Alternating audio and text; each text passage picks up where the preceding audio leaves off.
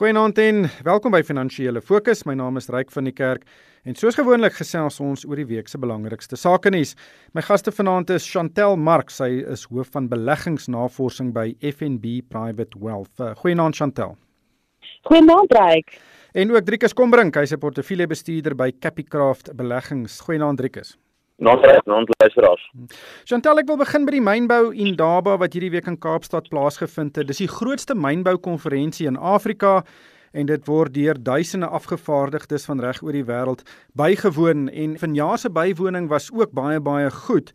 En dit is uh, natuurlik baie groot geleentheid vir Suid-Afrika om beleggingsgeleenthede in ons mynbedryf te bemark. En ek het gedurende die week op RC Geldsaake met verskeie mynbase gesels En ek het die indruk gekry dat hulle so effens meer positief is oor die toekoms as wat hulle 'n paar maande gelede was en dit is grootliks aangehelp deur Gwede Mantashe, die minister van Mynbou en Energie, se aankondiging dat myne voortaan hulle eie elektrisiteit kan opwek. Wat was jou indrukke?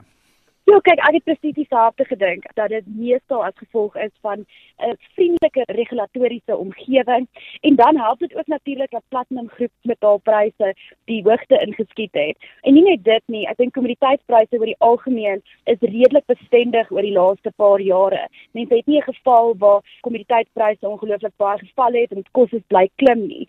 En verseker, as die elektrisiteitssituasie uitgesorteer is, dan lyk ek baie aantreklik. Trikus, jou sienings? Ja, ek dink die grootste positiewe verwikkeling is die feit dat hy die miners wil toelaat om hulle eie energie te genereer, eie kragte op te wek. Ek dink dit is wat die meeste mense omkant gevang het.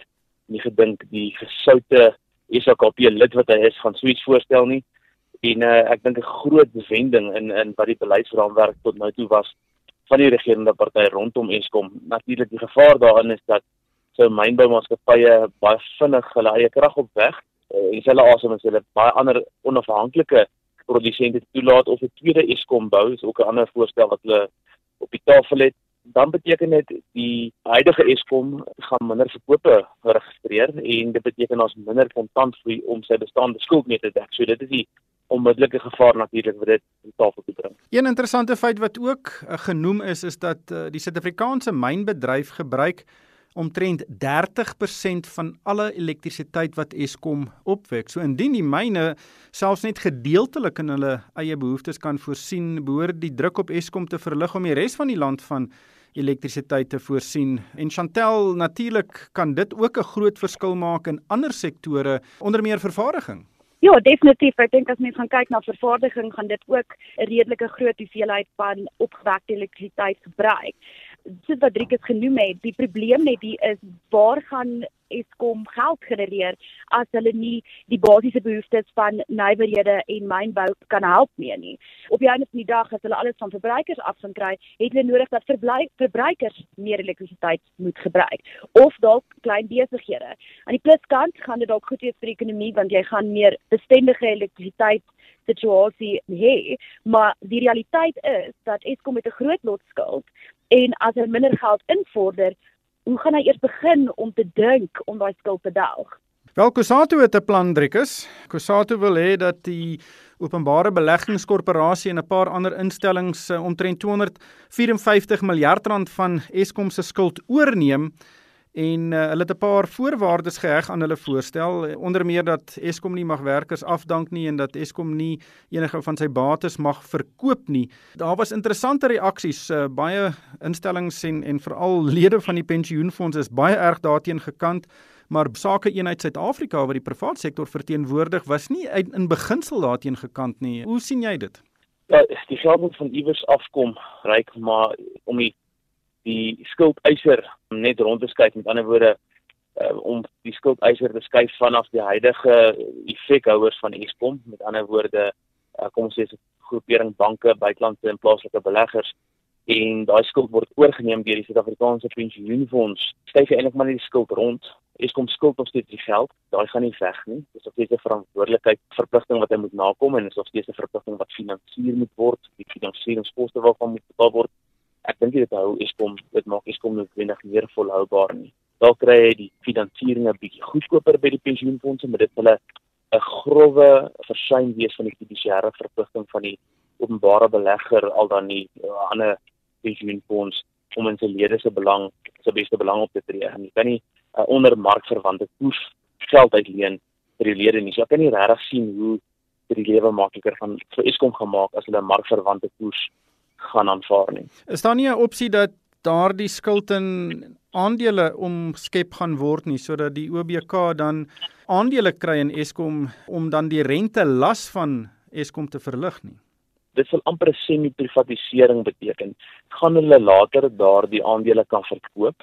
Is dit deel van so 'n ooreenkoms? Indien nie, dan is dit 'n dan die ambulansplaas basis wat hulle net namens die regering vat en weer eens 'n grove versuim van die fiduciêre verpligting van die openbare beleggers sal dit wees omdat daai aandele nie vinnig iets werk is nie. Uh, vir alle praktiese doeleindes is is kom 'n bankrotmaatskappy wat in die lewe gehou word deur deur sy aandeelhouer wat die hele tyd nuwe fondse steek.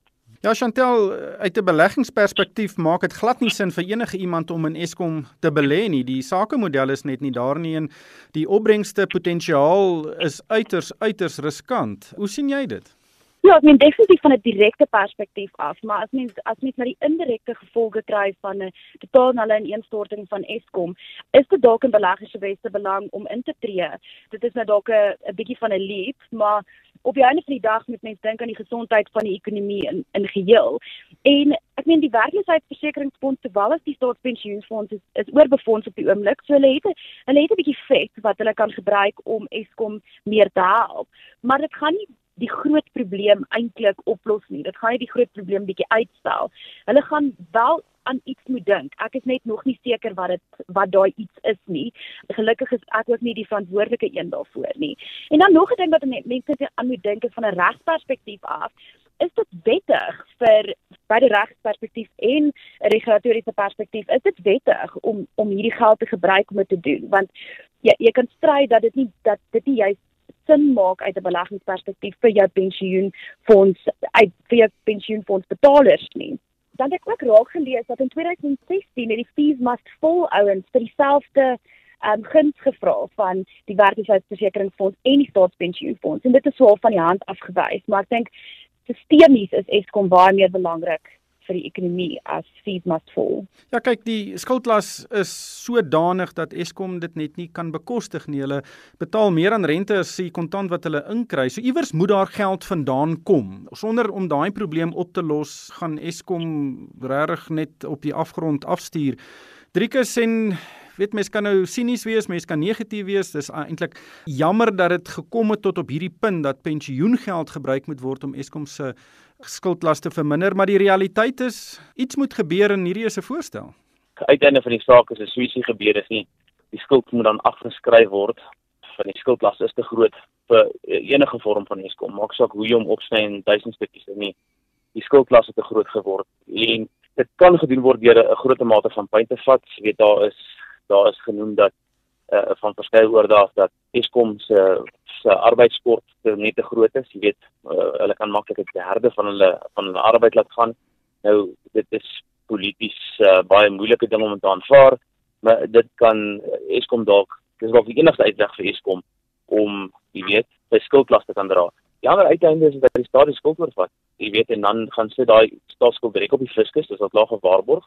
Met ander woorde Eskom uh het dan kontrakbreek wat hy pleeg op sy skuld en die staat neem die las oor en dit gaan lê op die fiskus en wat volgens outomatiese afgradering nie net in rommelstatus is nie maar dalk 'n een of twee vlakke in rommelstatus in vir SMP en uh vir Fitchaf se kant af ons totale fiskus die totale begroting gaan meer aan rente moet spandeer as wat ons aan byvoorbeeld baie of uh polisie of hospitale wat ook al kon spandeer het. Ja, ek dink ons het gesien met die SAL, die regering kon nie eers 2 miljard rand kry om geld vir die SAL te gee wat hulle beloof het nie. En Chantel gepraat van die SAL natuurlike ander staatsbeheerde instelling wat diep in die moeilikheid is, dis tans in sake redding. En hierdie week kondig hulle aan hulle sluit omtrent elke enkele 'n uh, roete in Suid-Afrika. Binnelandse vlugte net Johannesburg Kaapstad bly oor en selfs daardie vlugte is wesentlik verminder en daar is ook sprake dat daar binnekort 'n groot aantal mense by die SAL afgedank kan word amper heeltemal in teenstelling met wat ons tans sien by Eskom gebeur. So kyk, die sake reddingsstruktuur is baie anders as wat op die oomblik by Eskom gebeur, want Eskom is nog nie onder sake redding nie. Wat beteken dat die staat nog kan inmeng met die dag tot dag besluite. Kusatu het nog 'n groot sê daar. Is al alles onder sake redding wat beteken dat die sake reddingspraktisyne basies al die besluite hierso neem en niemand mag inmeng met dit nie van 'n regsoogpunt af nie. En dit is eintlik dit maak logies sin wat hulle gedoen het want die voldiens vlugte na na PE en na Durban en na Oos-London toe maak definitief nie geld van 'n FAA perspektief af nie, maar in Mango wat deel is van FAA maak dit nog sin. So om twee ligrederye te hê wat na dieselfde roete toe gaan onder dieselfde maatskappy met net 'n klein bietjie verskillend 'n verskil in diensvlak maak glad nie sin nie. En dit is dieselfde met met van sy oorseese vlugte. Daar's geen rede hoekom SAA moes New York en Washington toe vlieg nie. Daar's ook geen rede hoekom SAA Munich en Frankfurt toe moes vlieg nie. So daar was definitief 'n paar snaakse goedjies in terme van die roete besluite. En nog 'n ding waarna ek gedink het is net hulle hulle direkte vlugte na Mumbai toe het hulle gekanselleer en daar was daar was blykbaar bietjie goede hande in daai besluit. En dit was natuurlik 'n roete wat baie geld gemaak het. In plaas van om Hong Kong toe byvoorbeeld te vlieg wat glad nie sin maak nie. Ja, Driekus, dis 'n interessante gevalle studie hierdie want ek wag dat die SAL begin bates verkoop En dit sal natuurlik 'n baie baie duidelike sein aan ander staatsbeheerinstellings kan stuur dat die regering nie heeltemal so ge, gekant is teen die verkoop van bates nie, mits natuurlik die sake reddingspraktisyns die vryheid het om dit te doen. Ja, okay, onder die groot ding uh, rondom SA is dat hulle nie verskriklik baie bates het nie. Baie van die vliegtye is op huurkoop kontrakte word dit beman en daar is nie regtig vreeslik baie bates om te verkoop nie. En of 'n vreemde al hulle bates is dit ons nog steeds 'n skuldprobleem. Hulle is eers kom iemand gaan die skuld moet oorneem. So ek dink dit is die uiteinde van saak is dat jy nie net hierdie twee korporasies moet regryk nie, hierdie semi-staatsorganisasies moet regryk nie. Iemand moet die skuld oorvat in die tussentyd.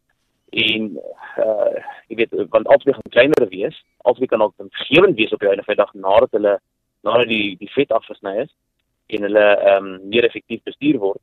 Maar ehm um, selfs al sou dit gebeur, gaan hulle nie genoeg kontantvloei uh, dan kan uh, genereer om hulle staat of hulle skuldlaste te te finansier nie. So dit dit alles kom terug na dieselfde ding toe.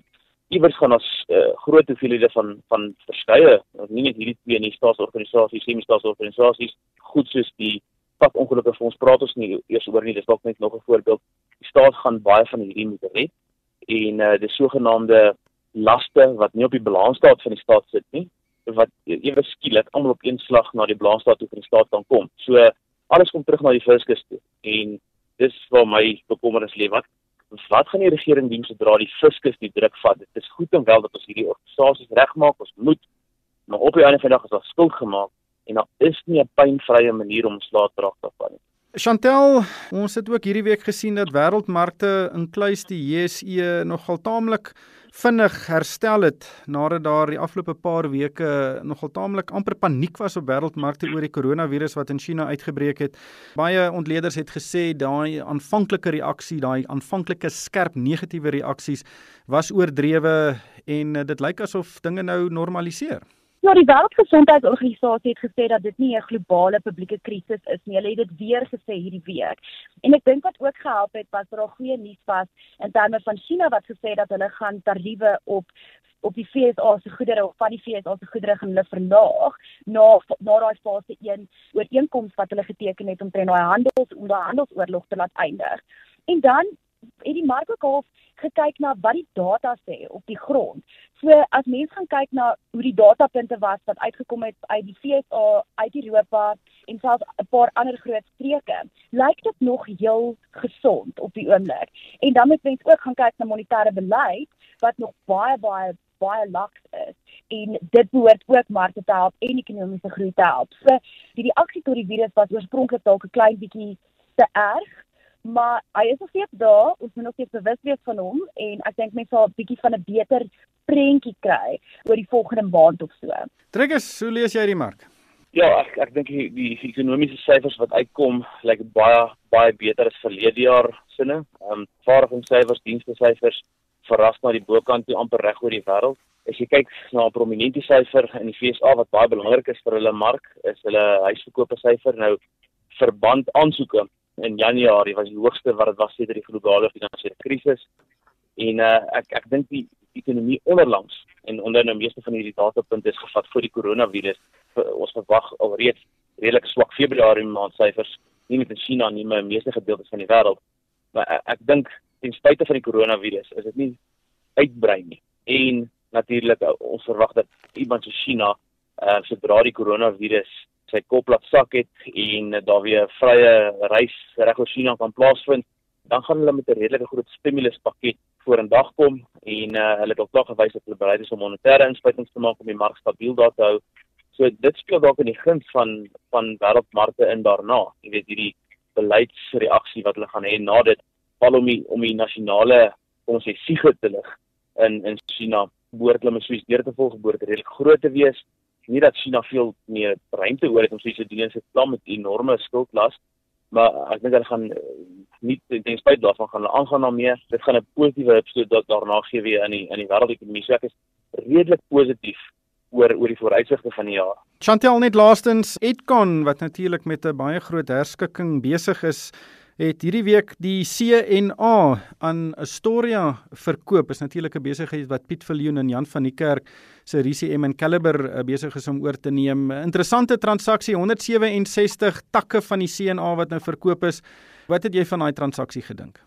Ja, kyk, dit was baie interessant en toe ek nou begin toe ek begin soek om te kyk watter deel van CNA maak van Edcon, was dit nogals moeilik om enigiets na 2018 te kry in terme van Edcon se finansiële state.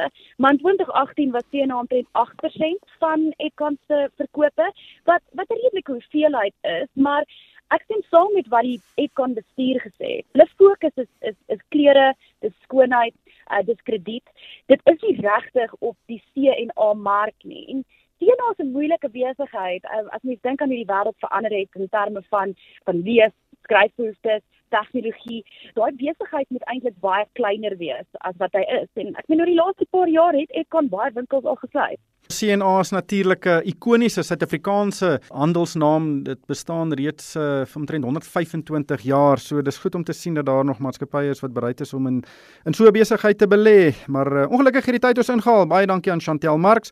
Sy is hoof van beleggingsnavorsing by FNB Private Wealth en ook Driekus Kombring, portefeuljebestuurder by Capicraft Beleggings. En vir my ryk van die kerk, dankie vir die saamluister en ek hoop almal het 'n winsgewende week.